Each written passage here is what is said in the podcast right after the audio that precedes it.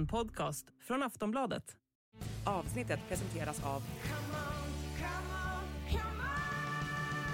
Stödvinnen.se, åldersgräns 18 år.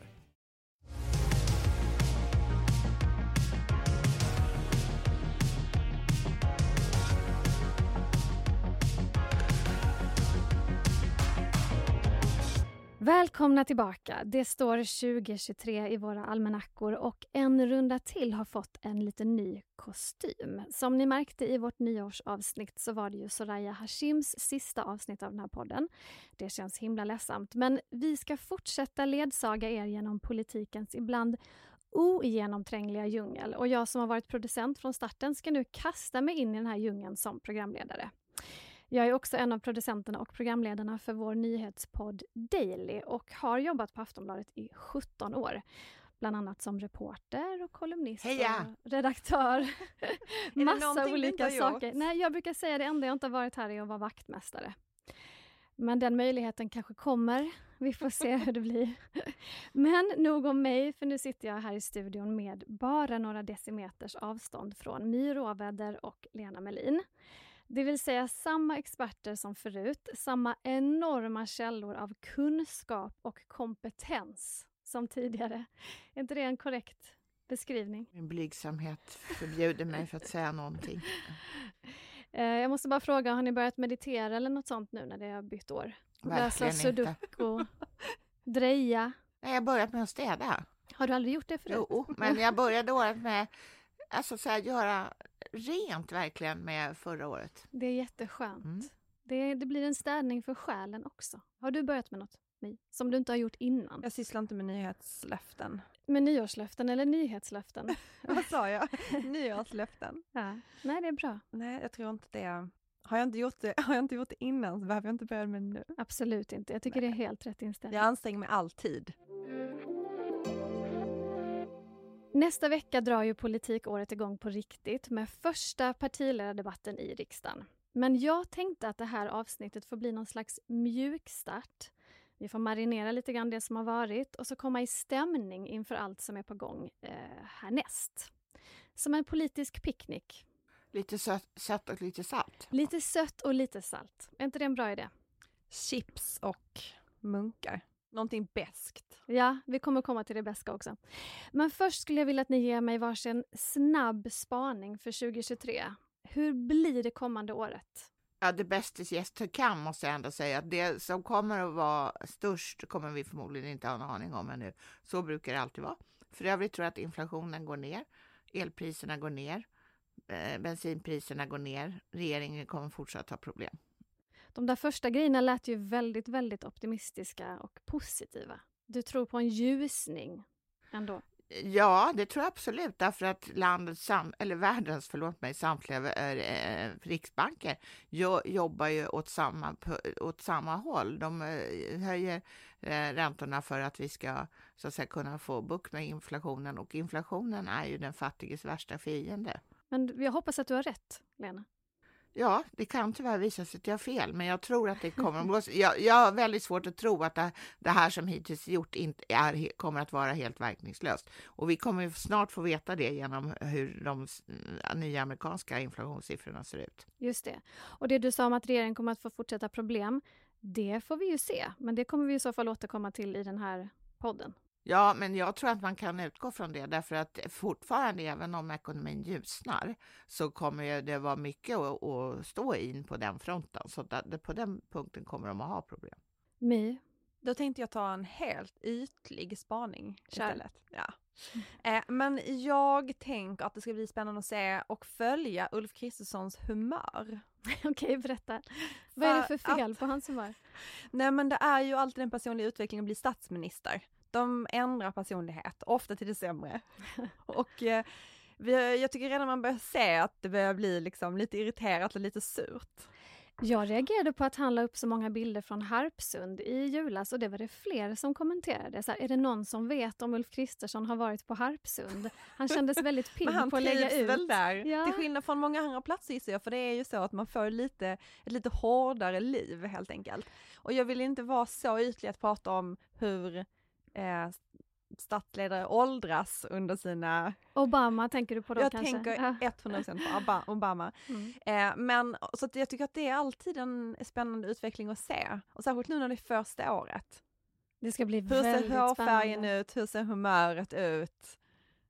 Hur tillgänglig är man för media?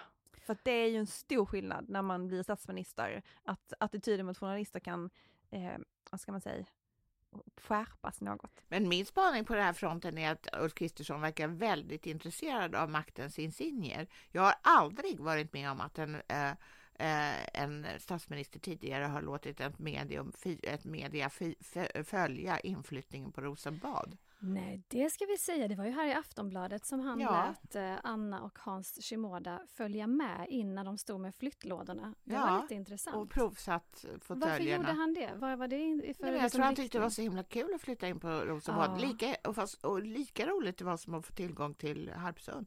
Ja. Och jag tror också att han gillar statsministerrummet, men där får han inte släppa in honom. Ja, det var ju synd. Ja. Någonting annat han gillar är ju regeringsplanet. Han hade ju med sig en uppsjö av media. Det var liksom typ tre reportage i olika tidningar om här flyger Ulf Kristersson regeringsplan. Titta, han flyger! Titta, han flyger igen. Och nu påminns jag igen om det här med att han hade ramat in eh, löpsedeln från när han blev statsminister hemma i Strängnäs. Det är kanske hans barndomsdröm nu som har gått i uppfyllelse. Ja, det kan ju vara och det är ju väldigt gulligt om han, är- om, och och att han gläds för detta. Det som jag oroar mig för är ju då att det här att gå omkring och spankulera och känna efter hur kul det är att bo i Sagerska huset eller på Harpsund eller åka flyga regeringsplan tar för mycket tid. Han har inte tid med sånt där och hålla på och fjompa sig. Det händer ju saker i världen, Mm. så att säga. Och vi ska börja med något som har hänt precis i år, igår till och med. Och det är då inte något som har med Moderaterna att göra, men med Centerpartiet. För valberedningen har nu bestämt sig för sin kandidat. Det blev inte Elisabeth Thand Ringqvist, det blev inte Daniel Bäckström, det blev Muharrem Murre Demirok. Som själv kallar sig Murre ska vi säga. Eh, Och han är från Linköping, bara en sån sak. Han har varit kommunalråd där. Han är från Stockholm, men han Jaha. bor i Linköping. Ja, jag Ja, tar fast tillbaka allt. Ja, men han har ju bott, jätte, han, är, han är född i Huddinge Kan Linköping få och, vara och sen har han ju bott där jättelänge. Ja, Ja. vi ger det till Linköping tycker jag. Det kan Mm. de, de behöva. Men, men eh, vad var er reaktion? Eh, En av er var förvånad, en var inte så förvånad. Nej, men jag var förvånad eftersom jag inte trodde att det skulle bli han. Nej. Och det verkar en del av centerpartisterna inte heller tycka. Och varför blev det han och inte de andra två då? För det har ju ändå kommit fram att Demirok har dömts för misshandel två gånger. Och även om det var länge sedan kan man ju tänka sig att det är verkligen en sån grej som kan ligga en i fatet. Det som jag tror var till Elisabeth Thand Ringqvist som jag trodde det skulle bli. Eh, nackdel var ju att hon var så att säga ledningens kandidat. Det var ju väldigt, väldigt tydligt. Hon har liksom absolut de bästa eh, eh, av, av de här tre kandidaterna är det ju hon som har de eh, finaste uppdragen i riksdagsgruppen. Eh, det, det var ju liksom tydligt att eh, vägen var asfalterad för henne. Och hon sa ju igår också att eh, hon, för det var ju väldigt märkligt, hon fick ingen annan post i det här läggspelet som eh, pre- presenterades av valberedningen. Och då sva, sa ju hon någonstans, men nu har jag redan glömt vad det var, att det berodde på att hon var inte intresserad av att bli någonting annat än partiledare. Men sen att det inte blev Daniel Bäckström, det verkar ju ha berott på en sak som han sa under den här utfrågningsturnén som, som arrangerades av Centerpartiet med de här tre kandidaterna. Och då sa han bland annat att han inte visste om han... Ja, han kunde inte svara på frågan om han skulle eh, viga samkönade par. Sen tror jag också att eh, Muharrem Demirok visade sig ha oväntade kvaliteter under de här utfrågningarna. Alltså han har ju redan varit en, en central person i Centerpartiet, inte för oss då men för partiet. Han har suttit i partiledningen och han har varit väldigt aktiv i deras liksom, lokala nätverk, alltså för kommunpolitiker. Eh, och ah, under de här utfrågningarna så har han ju, visade ju han att han hade en väldigt stark retorisk förmåga. Och jag måste ändå säga som var och lyssnade på någon av de här utfrågningarna och tittade på de andra, att han var ändå den som kom med någon slags politisk eh, idé. Alltså han har liksom tankar kring eh, utanförskap, människors villkor i samhället, jag beskrev honom ju som sossig i en text eh, före jul och det handlar väl mer om det här med att, att liksom ge alla människor en chans att skapa politiska möjligheter för alla att ha en chans i samhället. Och det han tog upp igår var ju också att man skulle se över sin skolpolitik för att inte exakt hur, men att man ville slippa den här ständiga diskussionen om vinster i välfärden och vinster i skolan, att det är inte det enda man behöver prata om när det kommer till skolan. Så det finns liksom en annan socialpolitisk profil och i de här utfrågningarna så var han den enda som hade mm. liksom en vision för hur politiken skulle utformas och jag tror att det överraskade många centerpartister och det överraskade många av oss som lyssnade också, mm. att det kom en person liksom lite från sidan. Och jag tror inte heller att liksom partiet visste vem det skulle bli i slutändan. Alltså man pratar med centerpartister så var det lite så här, ja, och är inte, det, det bli... är inte det lite bekymmersamt från någon som står verkligen vid sidan om att ingen riktigt vet, det finns uppenbara problem eller saker som kanske skaver lite med alla tre kandidaterna. Var det samma sak när Annie Lööf valdes, att man var osäker eller var hon det självklara valet? Alltså, hur säkra känns Centern nu? Eh, Då var det också tre kandidater som höll på att turnera runt landet. Eh, de hade samma upplägg nu, att valberedningen valde ut tre stycken, men man, man trodde ju då att det skulle bli Annie Lööf, därför att hon då var ledningens eh, kandidat. Men eh, och, ser du en ledare i Murre? Jag tror att han kommer vara en övergångslösning. I väntan på Messias? Frälsaren, ja mm. precis. Men hur kommer det märkas att det är han som leder Centern och inte Annie Lööf? Hur, hur kommer det, liksom det här skiftet att märkas framförallt tror ni? Nej, men en sak som han bet har betonat, och jag tror att det är en liten hint till att det har funnits kritik nu mot att Annie Lööf har varit en sån tydlig frontfigur, det är ju att han har pratat väldigt mycket om teamwork, alltså det, det är ett lag som bygger politiken, det är ett lag som Eh, Centerpartiet är ett lag, inte bara liksom en partiledare, han är inte ensam. Och det har ju funnits kritik mot Annie Lööf, samtidigt som partiet också har älskat att ha henne som frontfigur. Att man har beskrivit henne som sin stora styrka. Det finns ju alltid den där eh, splittrade känslan i ett parti när man har en stark ledare. Det är ju skönt att ha, mm. men det blir ju också sårbart. Men jag tänker för Centern har ju en väldigt spännande och rätt unik placering nu mellan de här blocken. Men en massa utmaningar. Vilken tror du kommer bli eh, Demiroks främsta utmaning framåt? Ja, han ska ju se till att valresultatet 2026 eh, eh, blir annorlunda än det här. Och det betyder ju att de måste helt eh, Eh, de måste ju lägga om sin landsbygdspolitik. De måste tala om saker som folk på landet tycker är bra. Annie Lööf har ju haft ett väldigt starkt engagemang för män, mot, mäns våld mot kvinnor till exempel och i, sin, i sitt väldiga avståndstagande från så att säga, den ideologiska eh, basen för Sverigedemokraterna. Och jag tror att eh, hur vällovligt dessa engagemang än har varit så tror jag att eh, det är inte så Centern får väljare. Får jag säga någonting som piggade upp mig? Och det är att jag tycker att det är hårt i politiken och partier. Alltså det är ju så här, one strike and you're out. Det, mm. Av förklarliga skäl, det är ju en förtroendebransch. Men det piggade ändå upp, tyckte jag, att det är ett parti som säger så här, okej, okay, du har gjort saker i din ungdom eh, och det har vi gått vidare från. Alltså att man stod jag kände för exakt det. Likadant. Att man stod för det och var så här, det är inte en strike out. Nej, vi kan inte bara ha perfekta människor som ska Men det jag tycker är väldigt illa i den här frågan är att han aldrig har sagt någonting. Det är ju det stora misstaget. inte ens i sin kandidatförsäkran. Nej, det är otroligt. Ja, och det, det, om, det nu, om vi nu är så vidsynta, så varför kunde han inte säga det redan då? Jag måste säga, det är det, är det man alltid undrar. Varför i hela fridens namn har man inte lärt sig, det är 2022, 2023 är det faktiskt, att säg det först, då kommer det falla mycket, mycket mjukare mm. än att någon ja, ska gräva Nu var det ju så att han själv uppsökte Östgötakorrespondenten och berättade det här, så till slut så insåg Men efter han, lång tid Ja, ändå. lite för lång tid.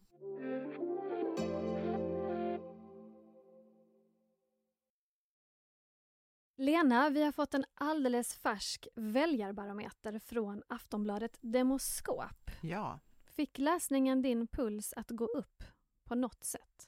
Ja, det måste jag ändå säga. Eh, därför att Miljöpartiet har enligt vår senaste väljarbarometer tappat hälften av de väljare de hade på valdagen. Och då var det ändå inte många de hade. Nej, de hade 5,1 procent och nu är de nere på 2,4 så det är alltså mer än hälften som har försvunnit sedan dess. Och det är inte så konstigt. Miljöpartiet har ju väldigt svårt att hitta någon, ut, något utrymme på dagens politiska scen.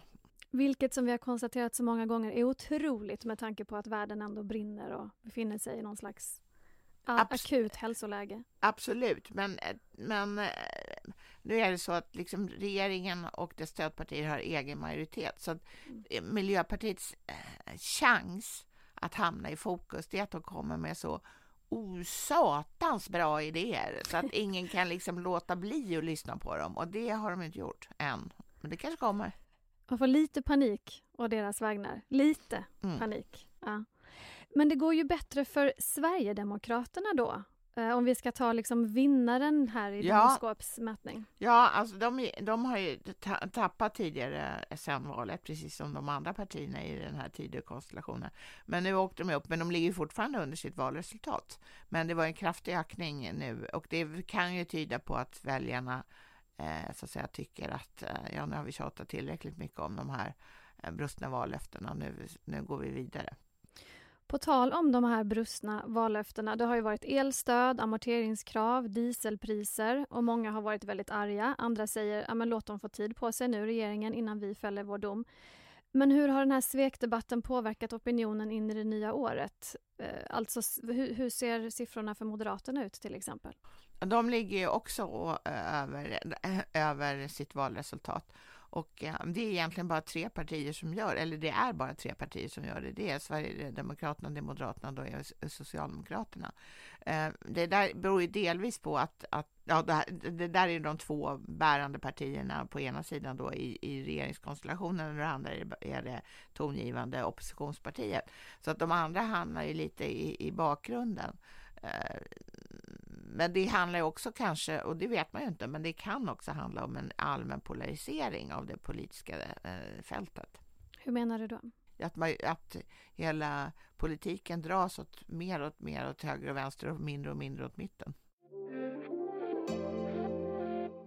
Nu ska vi backa bandet lite till Sälen. I helgen och i början av veckan var det Folk och Försvar där, en årlig konferens där man diskuterar säkerhetspolitik ur olika vinklar och perspektiv. Kan man beskriva det så? Eh, ja, bland annat. Bland annat. Kan Vad vill du många sätt. tillägga om Folk och Försvar? Ja, vi kanske kommer in på det. Det finns många olika Ja, för du var ju där. Ja, precis. Ja. Jag vill veta hur möpig stämningen var, alltså hur många militärt överintresserade personer rymdes i de här lokalerna. Och då inkluderar vi dig. Ehm, ja, alltså alla som var där skulle jag ändå säga är väl kanske någon slags, har någon slags möpighet. Eh, och då journalisterna. Eller jag vet kanske inte, jag är kanske inte en möp, men jag är ju väldigt intresserad av beredskap. Jag tycker det är en väldigt spännande Det är du fråga. verkligen. Ja, för det är ju lite mer av en filosofisk fråga, eh, kanske än just hur många korvetter har Sverige? Mm. Eh, och olika typer av stridsförband eh, för, förband och system. Jag kan inte de här termerna. Men de människorna finns ju också här och det är ju alltid spännande tycker jag när man får eh, ta ett steg in i en helt egen värld som eh, Folk och Försvar är. En sak som hände på Folk och Försvar var ju att Ulf Kristersson pratade om Turkiet och vår pågående NATO-process.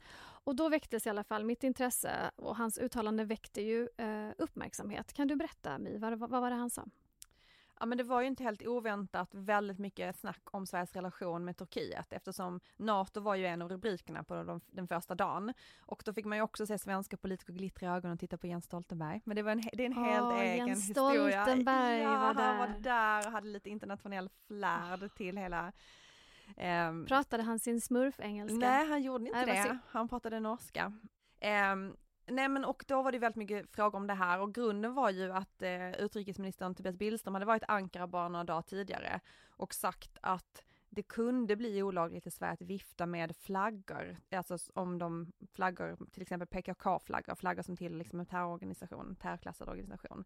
Och det var ju människor i Turkiet väldigt nöjda med, men det var ju människor i Sverige inte så nöjda med att han hade sagt. Så att först ju fick ju Kristersson liksom ta en sväng bort från uttalandet och förklara vad det var. Eh, och sen fick han ju ännu mer, och då menar man ju att det var att det handlar om att det finns en, ska komma en terrorlagstiftning, eller en lagstiftning i Sverige som handlar om att, eh, att man är med i en terrororganisation och det ska bli olagligt. Och då skulle det kunna vara ett bevis för att man är med i en terrororganisation om man viftar en terroristorganisations flagga. Det var en svårare förklaring än vad Billström hade gett sken av från början. Men sen fick han ju också frågor om de här kraven från Turkiet att lämna ut olika människor till Turkiet. Eh, och det var där som han, som Kristersson då, fick lite problem var han skulle trampa, för då sa han ju så här, vi har ett memorandum, alla punkterna på det här memorandumet som vi kom överens om i Madrid, eh, håller vi på, har vi uppfyllt eller håller på att uppfylla, det finns inga förhandlingar. Så, och Tobias Billström beskrev det också som att det har tagit ganska lång tid att få Turkiet att förstå att Sverige har självständiga domstolar som tar beslut i de här fallen. Mm. Så det är ju lite är det här någon slags pedagogisk mardröm eller vad? Men det, det har ju Oskar Stenström, han som är Sveriges då förhandlare med Turkiet, har ju sagt det hela tiden, att det väldigt mycket av tiden går åt till att berätta hur det fungerar. Till exempel det att utlämning av brottslingar som begärs utlämningen görs inte på politisk nivå, det är Högsta domstolen som beslutar. Och om de säger nej så kan regeringen säga ja. De kan så att säga upphäva det beslutet. Men säger eh, Högsta domstolen ja så kan inte regeringen ändra på det beslutet. Allt sånt där Alltså vår, vår, hur vårt land fungerar, hur rättsstaten Sverige fungerar, verkar Turkiet ha svårt att förstå. Men tycker ni att det verkar tydligt för för svenska folket, för vanliga människor att hänga med i den här NATO-processen och förstå hur, den här, hur det här samtalet med Turkiet går till.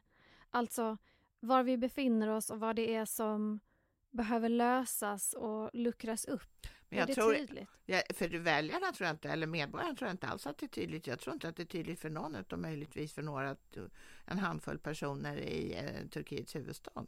Jag tyckte att det var roligt också det här med retoriken, att mycket handlar om retorik och hur man beskriver olika saker. Det är ju det som gör att de hamnar i de här, liksom, som twister, att man har liksom en fot någonstans och ett ben någon annanstans och ska man liksom, får man en ny fråga och då finns det ingen sätt man kan liksom sätta en fot eller en hand, eller en fot eller en, en hand på ett ställe där man inte ramlar ihop som ett korthus. Liksom. Det är mycket bra beskrivet. Ja. Um, och jag tror att det är, om man tittar på Ulf Kristersson här så tror jag att han liksom Eh, han då ska ju förklara, alltså han har ju skickat ut Tobias Billström eftersom han är eh, lite mer av en slugger, det har han ju alltid varit. Han var ju liksom migrationsminister i en tid där det fanns en liksom förändring i migrationspolitiken också, just för att han är en liksom en slugger och mm. hans, Tobias Billström sa ju också så här att jag sa ingenting som inte var sant. Det var väldigt svårt att förstå exakt Nej. hur de här två ut uttalandena gick gick Vi har faktiskt det klippet. Eh, för att det var ju just det här om det skulle vara olagligt eller inte att vifta med PKK-flaggor och då kallade ju Morgan, Morgan Johansson Billström för en lögnare. Ja, jag är ju alltid sanningsenlig och jag tycker att det är viktigt att man också är det i politiken. Det som jag har sagt är ju det som kommer att komma fram i den lagrådsremiss som nu förbereds på justitiedepartementet och som kommer att överlämnas eh, inom kort så att det blir en möjlighet för lagrådet att granska den.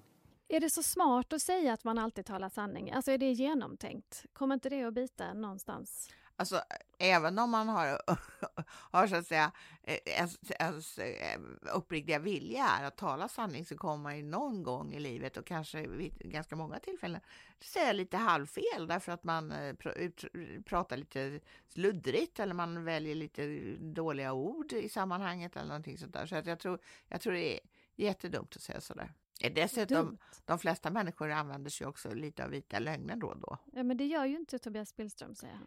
Nej, men han, han hade ju väldigt så här, för det, någonting som ändå var annorlunda på Folk och Försvar, det var ju att det fanns de hade presskonferenser som var mer som samtal med journalister, alltså de var lite mer informella, de sändes ingenstans, alltså det var ju en presskonferens men eh, ofta var det att de bara kom in och tog frågor och då fanns det ju möjlighet att förklara saker lite mer.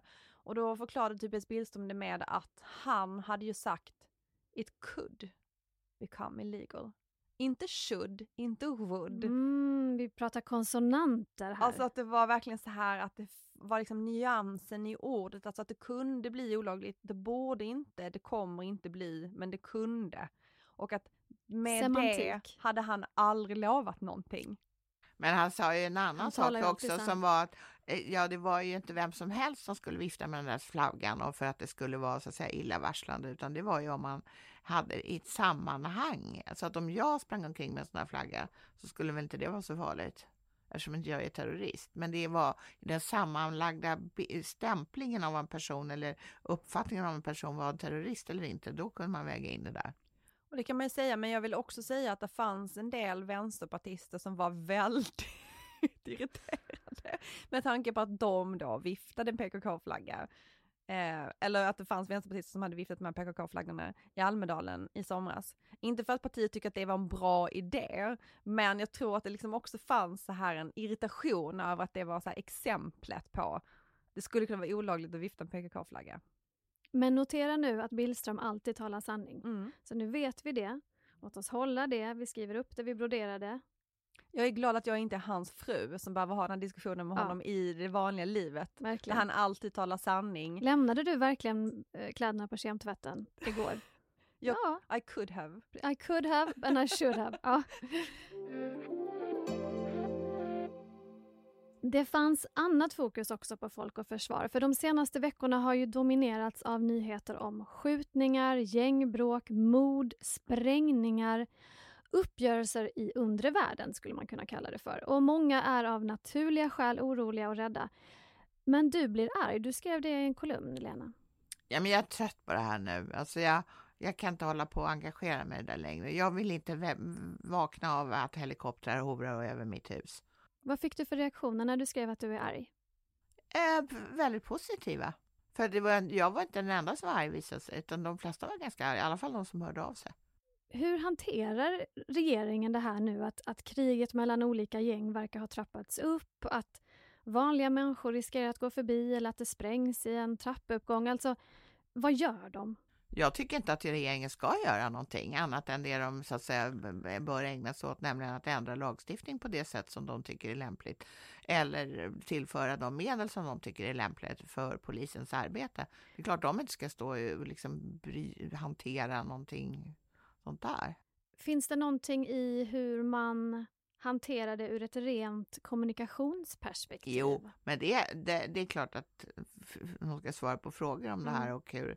Eh, men det, de säger samma sak, det här är ett långvarigt arbete. Vi har skärper nu lagen, det är lagen DI och lagen SI. Och eh, ja, mm, vårt förtroende för polisen är obrutet, vilket det alltid är ända tills den sekund det inte är det längre. Mm. För justitieminister Gunnar Strömmer har ju valsat runt en hel del i medierna senaste tiden och jag har uppfattat någon nyans av att han har riktat kritik mot polisen. Ja, men det har han absolut gjort. Det var väldigt passivt aggressiv, får jag säga, för han fick också fråga om det här på Folk och Försvar. Men vad han sa då var ju precis som Lena sa, att man säger alltid så här, ja men vi har förtroendet fram tills vi inte har förtroende längre. Eh, och så sa han, han sa inte med det sagt som Magdalena Andersson brukar göra, men han sa något liknande. Det var liksom i, han gjorde en liten övergång och så sa han så här, vad jag kan säga är att vi har vanligtvis månadsartliga möten med polisen. Nu har vi dem en gång i veckan. Och i det så skulle jag säga att det ligger, och han menar också så här att om man tillför väldigt stora resurser så kan man också kanske förvänta sig att man kan se ett resultat av det. Så att det, det finns ju ändå någon slags underliggande kritik. Men också grejen att jag frågar det här med vad regeringen gör, det är ju för att en grej som det blåa laget verkligen tryckte på inför, lag, inför valet var ju att de skulle sätta stopp för skjutningarna, de skulle skapa trygghet. Det kändes ju mer eller mindre som ett vallöfte. Absolut, men redan i den första val, eh, riksdagsdebatten mellan, parti, me, me, mellan olika höga företrädare så mm, var det här ju plötsligt inte någon quick fix, utan det här var plötsligt ett långdraget, väldigt mödosamt arbete som skulle sträcka sig över flera år. Och det fattar ju vilken människa som helst. Det är bara de som försökte ge sken av att det inte var så. Någonting som de förändrar nu i sin retorik, eller som de tar vidare i sin retorik, det är ju att man kallar dem för eh, liksom inrikesterrorister.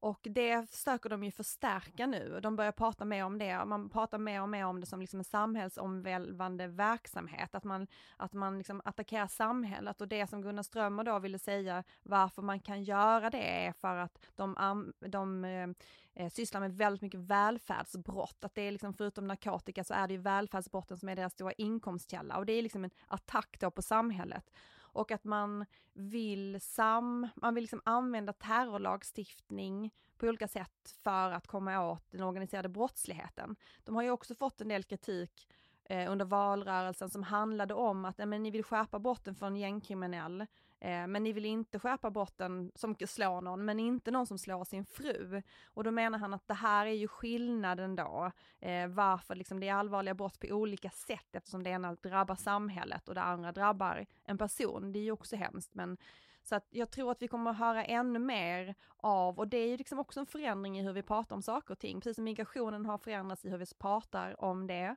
så tror jag att det här också är någonting som kommer att normaliseras. Det var människor som tyckte att det var hårt i början, eh, men nu kommer vi nog se hur det här mer och mer kommer att vara liksom hur man beskriver den organiserade brottsligheten. Och kommer väljarna ha tålamod nu, Lena, med att om du säger att man förstår som väljare att det kommer att ta tid, att det är inte någonting man köper, att det finns en quick fix. Kommer väljarna ha det tålamod som krävs då för att det här tar tid? Nej, det tror jag inte. Därför att de har ju naturligtvis lyssnat på vad, vad, vad de här människorna säger eller har sagt under flera år, representanter för framförallt Moderaterna och Sverigedemokraterna. Ja, det var en stark retorik som ja. var vi ska stoppa skjutningarna. Ja, och, och väldigt aggressivt på, säga, påpucklande på den regering som då satt och deras misslyckande på det här området. Det är klart att om man själv är lika dålig så kommer ju folk inte acceptera det.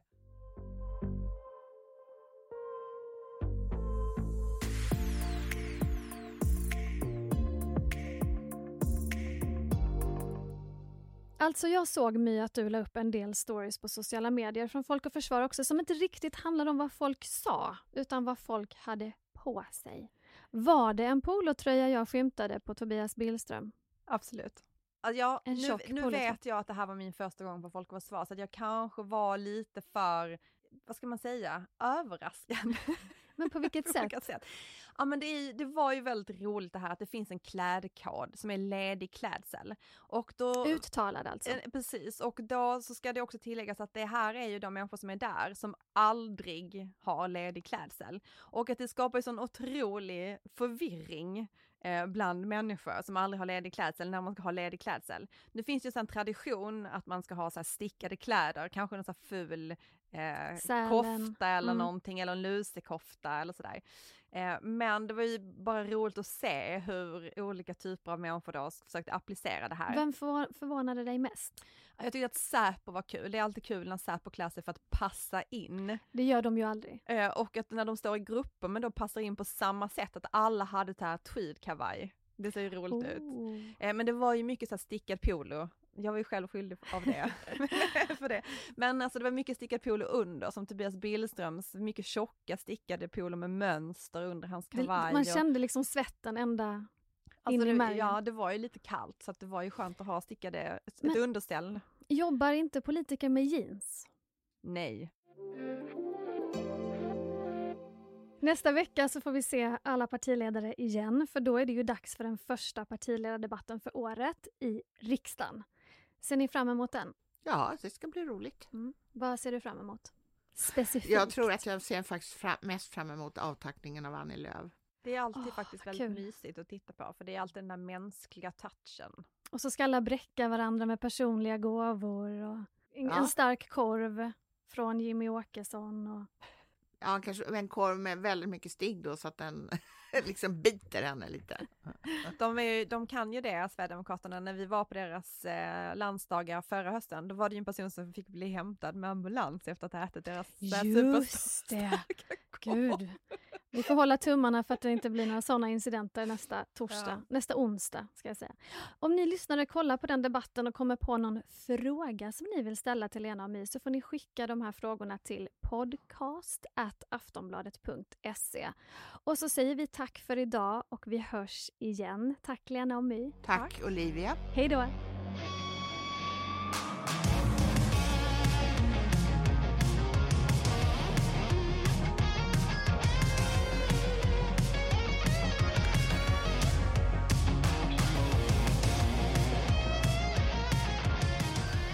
Du har lyssnat på en podcast från Aftonbladet. Ansvarig utgivare är Lena K Samuelsson.